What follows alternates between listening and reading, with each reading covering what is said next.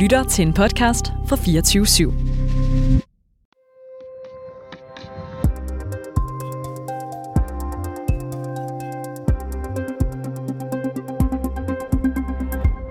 Der er en lille sandsynlighed for, at der er mere i denne historie, end øjet ser.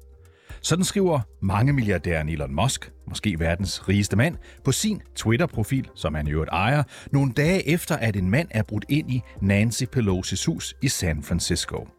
Nancy Pelosi, der er formand for repræsentanternes hus i USA, er ikke hjemme. Men det er hendes mand, Paul Pelosi. Og han bliver overfaldet med en hammer. Med sine 113 millioner følgere deler Musk også en artikel, der insinuerer, at Paul Pelosi kendte sin gerningsmand, at de havde et homoseksuelt forhold. Musk slettede efter få timer sit tweet igen, men den her konspirationsteori er blevet delt af mange tusinder. Og den tidligere præsident, Donald Trump, har også været hurtig til at plante en teori om, at det her overfald var opstillet. Det her var ikke et break-in, men et skulle Trump have sagt i et radioprogram. Du lytter til Konfliktzonen, hvor vi i dag går tæt på angrebet i Pelosi's hjem og på den formodede gerningsmand, som angiveligt selv var formet af konspirationsteorier. Og så spørger vi, hvad de løgne, der har spredt sig, betyder for valgkampen op til midtvejsvalget den 8. november og for kandidaternes sikkerhed. Mit navn er David Træs. Velkommen til Konfliktzonen.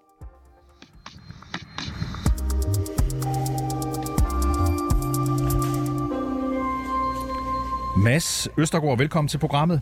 Tak skal du have. Du er USA's, uh, USA-korrespondent for 24-7, og du er med os fra New York City. Og du skal hjælpe os med at blive klogere på den formodede gerningsmand, David DePape, og hvad der fik ham til at bryde ind i Pelosi's hjem.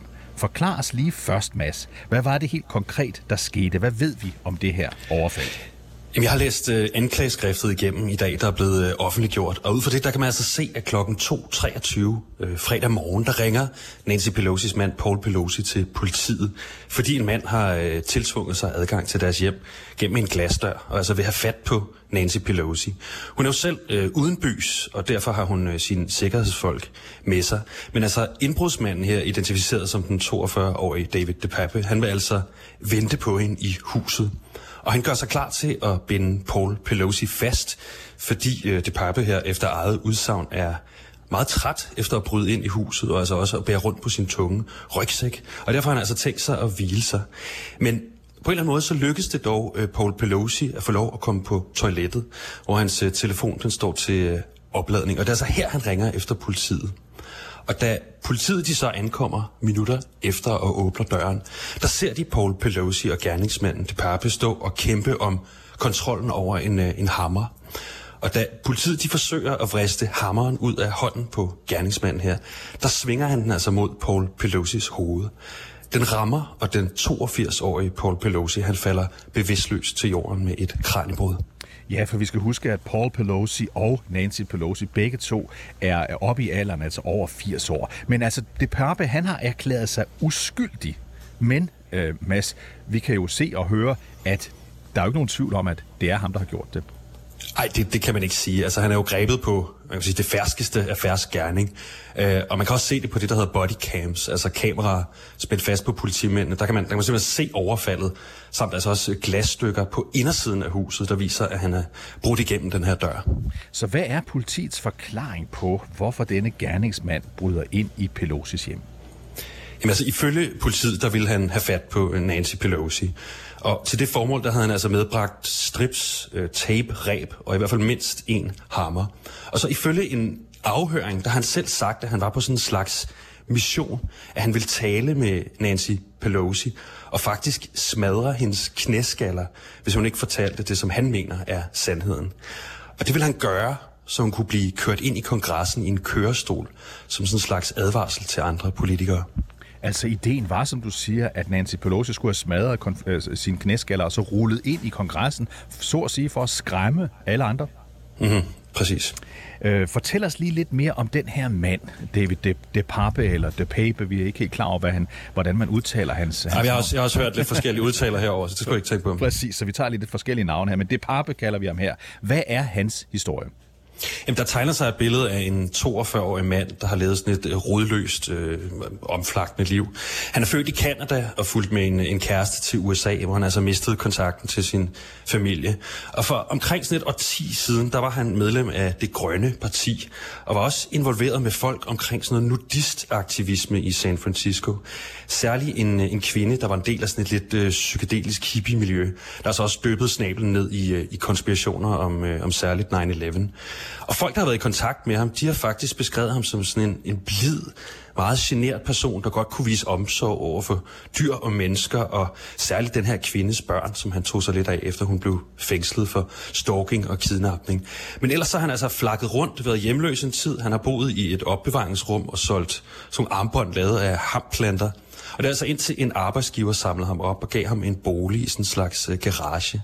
Og det var altså her, at han satte strøm til en computer, og på ret kort tid begyndte at falde længere og længere ned i et øh, kaninhul af ekstremt højorienterede konspirationsteorier. Så Mads, han går altså fra at være Green Party, som er venstreorienteret, halvhippie og hvad ved jeg, til pludselig at blive højre fløjsfanatiker. Kan du sige noget mere om, hvad er det, der sker? Hvorfor er det, han pludselig bliver det? Jamen altså, øh, vi kan i hvert fald se øh, ud fra en blog, som han står bag. Øh, det er en blog, han har skrevet i, øh, i eget navn.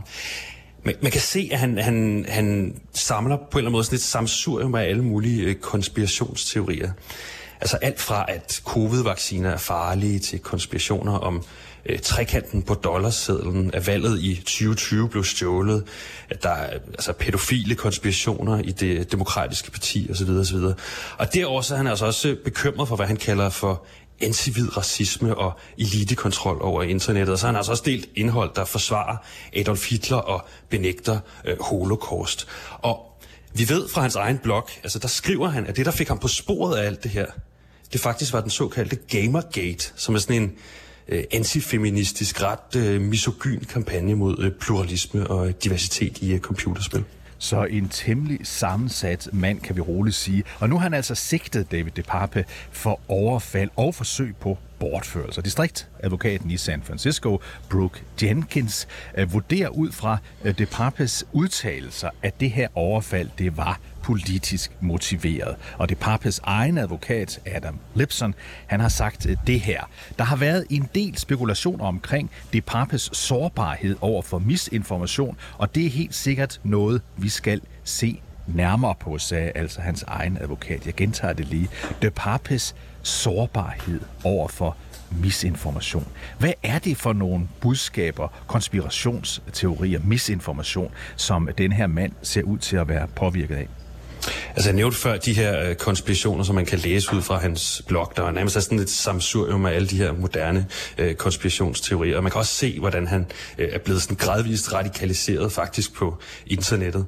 Øhm, hans øh, tidligere arbejdsgiver beskriver, at han faldt dybere og dybere ned i de her højorienterede konspirationer. Det er sådan noget som for eksempel den her øh, Pizzagate, der altså hævder, at en øh, demokratisk elite, de står bag en pædofil ring, øh, centreret omkring et øh, pizzeria i, i Washington. Altså den her QAnon-konspiration, øh, der ligeledes hævder øh, igennem sådan en øh, udokumenteret insider af en, øh, en satanistisk ring af kanibalistiske øh, pædofile fra blandt andet det demokratiske øh, parti. De har forsøgt at konspirere imod øh, Donald Trump.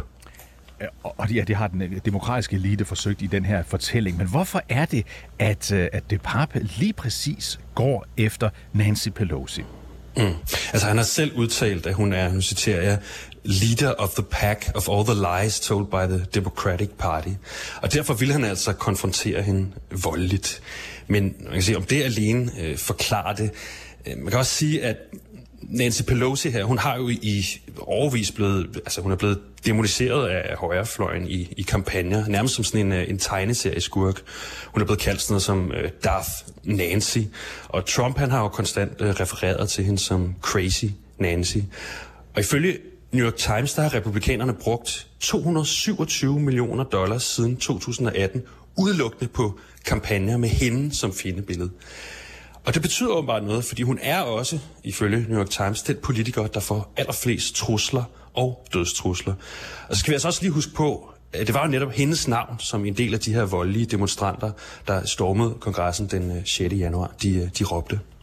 og det var Nancy Pelosi, der var en af dem, der også øh, stod i spidsen selvfølgelig for øh, den formelle øh, situation, der var, øh, altså det tidspunkt, hvor man skulle certificere Donald Trumps valg der den 6. januar, det der ender med stormløbet på kongressen. Så hun er, Mads, bare lige for at slå det fast til sidst, hun er en hadefigur for det yderste højre i USA.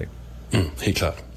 Mads Østergaard, 24-7's USA-korrespondent med os fra New York City. Tak skal du have. Velbekomme.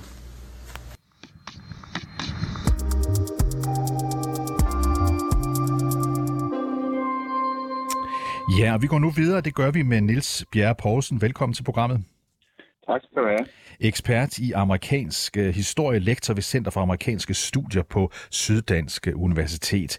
En ting er, at øh, De Pape her, han er påvirket af konspirationsteorier, som vi lige hørte øh, Mads Østergaard fortælle fra New York. Men noget andet er, at der nu florerer en række konspirationsteorier om det her overfald på Pelosis øh, mand. Vi var inde på en af de fremherskende øh, teorier i starten af udsendelsen, nemlig at Paul Pelosi har et homoseksuelt forhold til øh, De Pape og blev taget på færre skærning og fik det til at ligne et overfald. Niels Bjerg Poulsen, hvor meget fylder den her slags historier og falske påstande i den her sag? Det kommer lidt an på, hvad du mener med fylder og hvor det fylder. Øh, det fører i hvert fald til en, den debat, som øh, præsident Biden også forsøgte at tage op i sin tale i går, nemlig om demokratiets tilstand i USA. Altså, hvilken rolle spiller det, at der er så massivt meget misinformation i den, i den offentlige debat? Hvad betyder øh, fri tale på sociale medier som, som Twitter og andre steder? Og, og hvad gør det for hele den demokratiske proces? når en sag, der er i princippet så oplagt som en mand, der bliver øh, overfaldet klokken to om natten, mens han ligger og sover, fordi en mand betrænger ind og formodentlig slår hans kone ihjel. Når det i løbet af et par dage kan blive til øh, alle de her forskellige historier, ikke bare fra hvem som helst, som skriver et eller andet på de sociale medier, men fra ledende politikere, senest øh, tidligere præsident Donald Trump, men længe inden, da hans søn eksempelvis, og også kandidater rundt omkring øh, i de enkelte stater, øh, så har man et problem, hvor det bliver svært at forestille sig, hvordan man dæmmer op for sådan nogle historier, hvis selv noget, der er så entydigt, som det her var, kan blive øh, til en helt anden historie så nemt. Og så har vi jo midtvejsvalg om en uge, sådan cirka den 8. november. Mm. Hvordan påvirker sådan en diskussion som den her, en diskussion, konspirationsteori øh, om øh, overfaldet på Paul Pelosi, hvordan påvirker det den politiske debat lige nu sådan op til et vigtigt valg i USA? Man kan sige, det, det bliver ikke direkte et, et hovedtema. Man kan måske sige, øh, for republikanerne, der er hovedtemaet, hovedtemaerne i valgkampen, det er øh, Øh, inflation, og det er illegal immigration, og det er en stigning i voldelig kriminalitet. Men for demokraterne, som udover at diskutere eksempelvis øh, øh, abortspørgsmålet, der er hele det her spørgsmål, det store spørgsmål om demokratiets øh, tilstand, øh, et, et, et hovedtema. Det er blevet et hovedtema her i løbet af, af efteråret. Og der kan man selvfølgelig sige, at det her spørgsmål spiller noget ind i, i, i det. Det er sådan set vel også, hvad præsidenten forsøgte at gøre med, med sin tale. Inddrage det her. Og, og det, det, man kan pege på, er, hvad der er sket. Den forrådelse, der er sket bare på et, et par år. Vi så for nogle år siden en, en, en ulykkelig begivenhed, hvor en af de republikanske ledere, Steve Scalise, blev skudt under en baseballkamp, kongressen havde arrangeret af en Bernie Sanders-tilhænger. Og der var der ligesom opbakning og solidaritet fra begge partier, og selvfølgelig oprigtig bekymring for øh, kandidaternes, øh, for alle kandidaters øh, sikkerhed. Øh, og her har vi altså set noget, der var lidt anderledes. For det første, først selvfølgelig en fordømmelse for de republikanske ledere, men så efterhånden de her teorier, ah, er der ikke en anden forklaring? Ikke bare fra politikere, men også eksempelvis fra den nye ejer af af Twitter, verdens rigeste mand, Elon Musk, som havde en meget uheldig debut, kan man sige, på sit eget medie ved at skrive, at der var måske lidt mere i denne her historie, og måske handlede det om noget helt andet. Så, så det er det, der bliver et tema i valgkampen. Og så selvfølgelig ser det ikke godt ud for de politikere, der synes, de skulle lave sjov med det øh, i deres valgkamp. Carrie Lake, guvernørkandidat i Arizona, for eksempel Ted Cruz, senator fra Texas, Glenn Youngkin, øh, guvernør i Virginia osv. Øh, så, så på den måde går det indirekte ind i debatten om Og en- demokratiets tilstand. Og en, der i hvert fald ikke laver sjov med det, men tværtimod tager det meget alvorligt og gjort i den tale, du nu har nævnt et par gange, Niels Bjerg Poulsen. Det er selvfølgelig USA's nuværende præsident Joe Biden, der er gået ind i det. Lad os lige høre et lille klip øh, fra hans øh, store tale i går. Det her, han siger her, det er naturligvis rettet direkte mod republikanerne. The talk has to stop. That's the problem. That's the problem. You can't just say, I feel badly about the violence. We condemn it. Condemn what produces the violence. And this talk produces the violence. Ja, det han siger her, Biden, i sin essens er, at den her snak, altså det, at man taler på den her måde, det er det, der skaber volden, siger præsidenten her. Har han øh, ret i det efter din mening, Niels? Jeg, jeg ved ikke, jeg, jeg tror ikke, jeg er den rette til at vurdere, hvor direkte forholdet er, men man kan i hvert fald konstatere, at hele samfundsdebatten med den voldsomme polarisering, der er, og den delegitimering af, af, af den anden part i den politiske debat, øh, har, har, ser ud til at være nået et punkt, hvor det er svært at forestille sig helt, hvordan man skal få, øh, hvordan man skal skrue tiden tilbage til øh, en, en tid, hvor der var et mere forsonligt forhold også mellem, mellem de to partier. Og så nogle reaktionerne på, på sådan en begivenhed som at Nancy Pelosi, som jo er nummer to i rækken til præsidentembedet, det er det næsthøjeste politiske embede faktisk, hun har i USA som, som speaker. Øh, hvis ikke der også er en eller anden respekt omkring både embedet, men også øh, hendes sikkerhed, øh, Øh, så kan, man sige, sender det et meget, meget uheldige signaler. Man ved, der er folk som gerningsmanden her derude, som opfatter den måde, politikerne taler om, som, som et signal til, at de måske øh, skal, skal direkte gribe fysisk til handling øh, i, og, og, og handle mod den anden side, som det vi så øh, den her person øh, det var det, han forsøgte at gøre. Ikke? Han ville, han ville øh, binde Nancy Pelosi, og så ville han knuse hendes knæskaller, hvis ikke hun sagde sandheden, og det ville så sende et eksempel, mente han, til andre politikere i Washington. Og man kan, Så- man, og man kan roligt sige, Niels Bjerg Poulsen, at det her det ikke er et enkeltstående tilfælde. Du har allerede været lidt inde på det. Men på selve den dag, hvor indbruddet det fandt sted i Pelosi's hjem i San Francisco, der udsendte Homeland Security, en slags amerikansk sikkerhedsministerium, faktisk en advarsel. De skrev præcist, at midtvejsvalget ville kunne medføre øgede trusler om vold mod for eksempel personer, man er uenig med. Det var altså på selve dagen for indbruddet. Og efter indbruddet, der har Tom Mancher, han er politichef i den amerikanske hovedstad Washington D.C., opfordret direkte til, at der bliver brugt flere penge på at beskytte medlemmer. Så Niels, man kan vel sige, at øh, der er simpelthen en øget trussel mod kandidaters personlige sikkerhed ved det her valg. Ja, og, vi har jo set, øh, at- det ikke engang kun er politiske kandidater, men også eksempelvis dem, som øh, melder sig frivilligt til at tælle stemmer op, eller dem, der er valgansvarlige rundt i de forskellige stater. Altså denne her øh, store løgn om valget i 2020, påstanden om, at det i virkeligheden var Donald Trump, der vandt, og det var massiv valgsvindel, som, som, øh, som er årsagen til, at Joe Biden overhovedet er, er præsident. Det har jo affødt også dødstrusler mod folk, der sådan set bare har har, har meldt sig i demokratiets tjeneste til at tælle stemmer op rundt i de forskellige stater. Øh, I en stat som Pennsylvania, hvor der er øh, 67 counties, der er stillingerne ledige til at være valgansvarlige i 50 af de 67 counties, fordi øh, folk har simpelthen ikke lyst til at have de jobs, eller mange har ikke lyst til at have dem, når de bliver mødt med trusler og, og, og på anden måde chikaneret, fordi der er den her enorme mistillid til, om de nu, om de nu fusker med stemmerne. Ikke? Så, så man kan sige, det er ikke bare politikere, der er, troet på en måde, de formodentlig ikke har været før.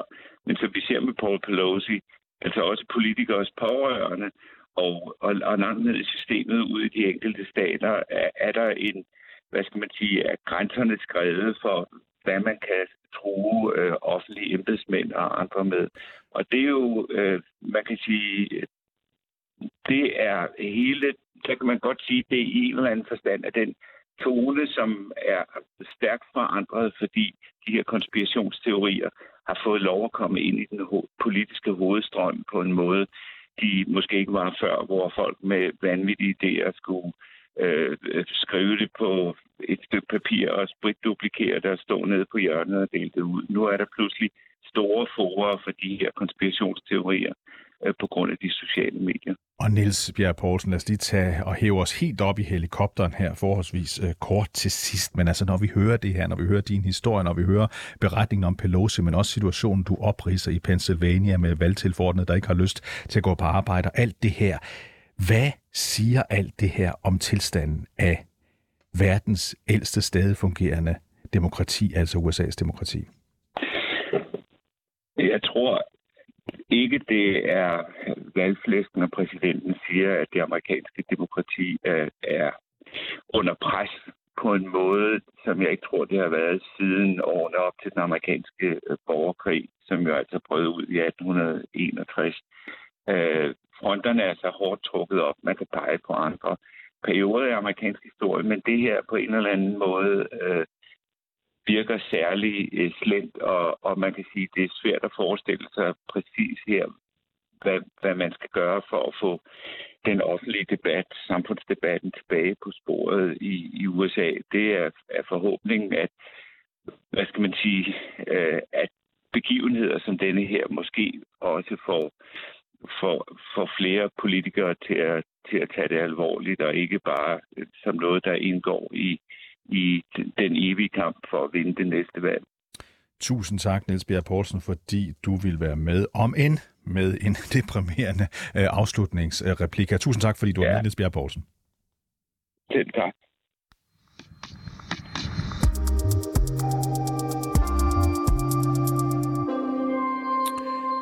Du har lyttet til dagens afsnit af Konfliktzonen 24-7's øh, udenrigsmagasin, hvor vi altså i dag fokuseret på det amerikanske midtvejsvalg, der altså er i næste uge, den 8. november. Mit navn, det er David Træs. Holdet bag programmet er som altid journalist Sofie Ørts og redaktør Christine Randa. Du kan lytte til programmet direkte. Det kan du mandag til torsdag fra kl. 8 til kl. 8.30, men du kan selvfølgelig også finde programmet på podcast, der hvor du normalt finder dine podcast.